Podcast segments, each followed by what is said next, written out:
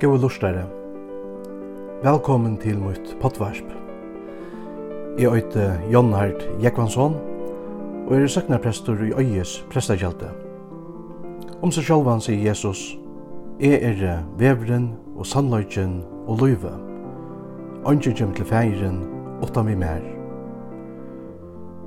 Akkurat støva i fyrir Jesusa, hever avløykans fylkjer fyrir jokkon.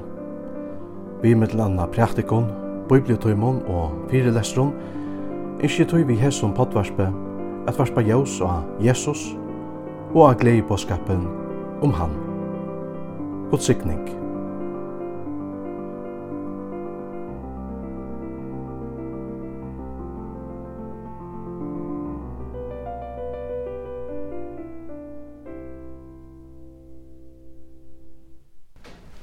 Vi vet öll hvert eit landarmal er. Og av jævlån er det sere nekk løgndarmal som ligger under ætlån jævlatrøvnån rundt omkring i okkara høymon. Og fyrsten er det langt fri okkon, hva det er i pakkenån.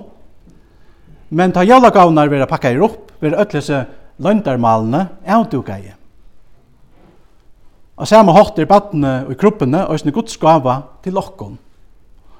Og vi hånden vera nekka høylt nytt avduka fyrir manna høymnon.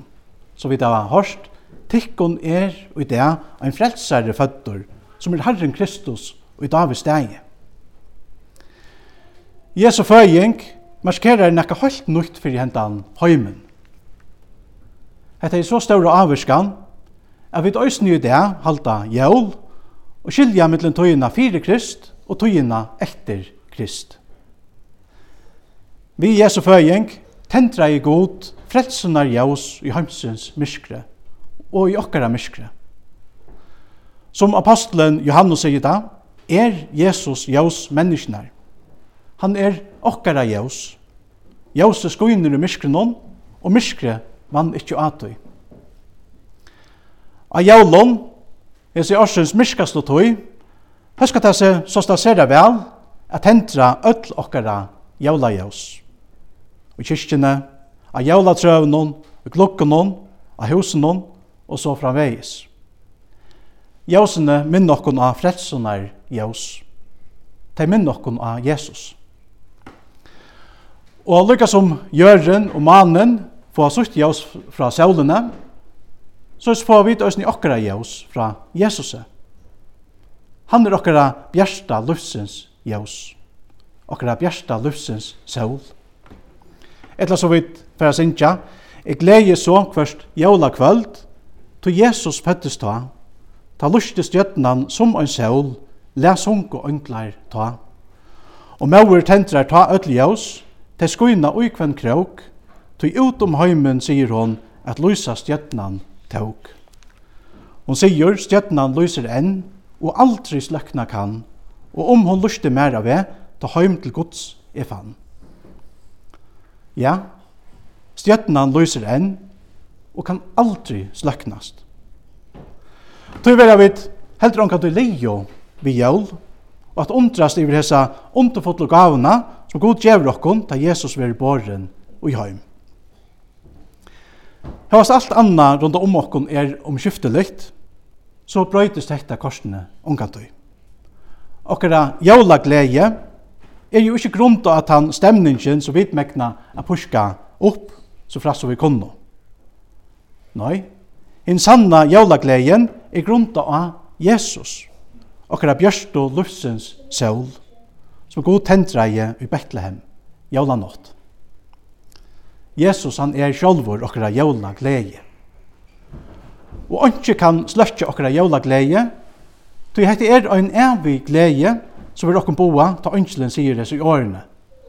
Tikkun er ut det, en frelsare føttor, som er Herren Kristus og i Davids deg. Jævla evangeliet byrjar ikkje som eit uh, eventyr, øyna fer verda og så framvegis.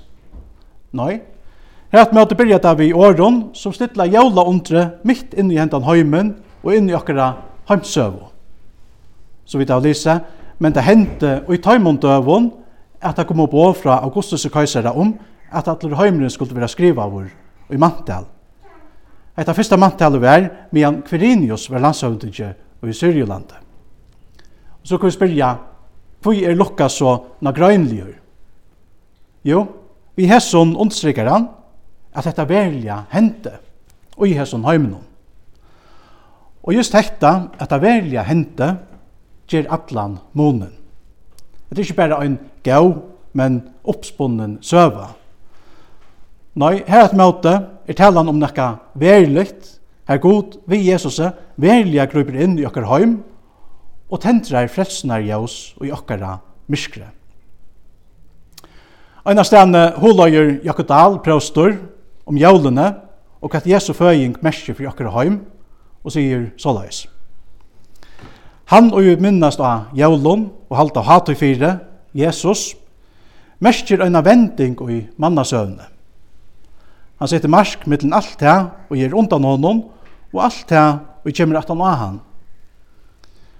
Spyrja vi om hvordan det er fyrst og kristne og slektene er mekt og månen mittlen det, og vi er fire Jesus, og det som er kommet vi honom, så kan det sies at fyrir tøymon var måneren som nått og dævor, jaus og myskur. Alt fyrir Jesus var en leng, mysk og døpor nått Men vi Jesus er en nødgjør dævor runnen opp iver mannaheimen, sier han. Og så sier han hva gjør det? Eit jævla fra badna arum og munnen, hever særlig sett seg avklaimande fast. Det er hinn opplusta kyrkjan fyrsta jævla kvöld. Her i heimbygd munne var det ikkje sier ta at kyrkjan var nøyt om kvölde. Og så tog, atlan vektren som myrsk mittlen hine hosene. Men fyrsta jólakvöld var færre i kyrkjo. Ta var tentra og henne, og ta stå hon og luste vi Øtlundsund og Nekvo Jøsson ut iver bygdina. Ta var som eit jævshav fyrir øynum batna eia. Og sleppa i kyrkjo jólakvöld og sutja jøsene var størsta gleien.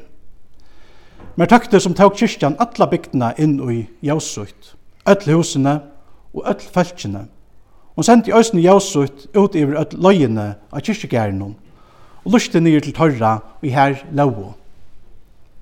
Mong år er færen søyan. Men hekta badna minni hefur nu en djupare og rykare tuttning fyrir meg. Nu er det eit bjerstare jævs som vi öll vera tidsin inn i. Begge teg i røyka falton og teg i sova under malton. Og teg er jævsi av Guds vår fægers miskunnar sjål, så vi Jesus er vi lett i nødjan det renna opp fyrir okkon. Og i Betlehem og i Davids det, her byrstist jævs til klaran det, ta lusti iver miskovra, og hirar mont og ondur sjå. Og himna jævs er skøyns og bjerst, så alt var jøst som fyrr var svært. Her øynglar sunko jævla på, lær Jesus med a synkja så så vil jeg ikke at jeg og en gledelig jævl. Lov og takk og atler høyer, vi er her, god og varon, fægir sine og høylaun anda, som alltid hever være, er og alltid verur, ein sannur, tru og god, halov over fra fyrste opphavet, nu om atler avr. Amen.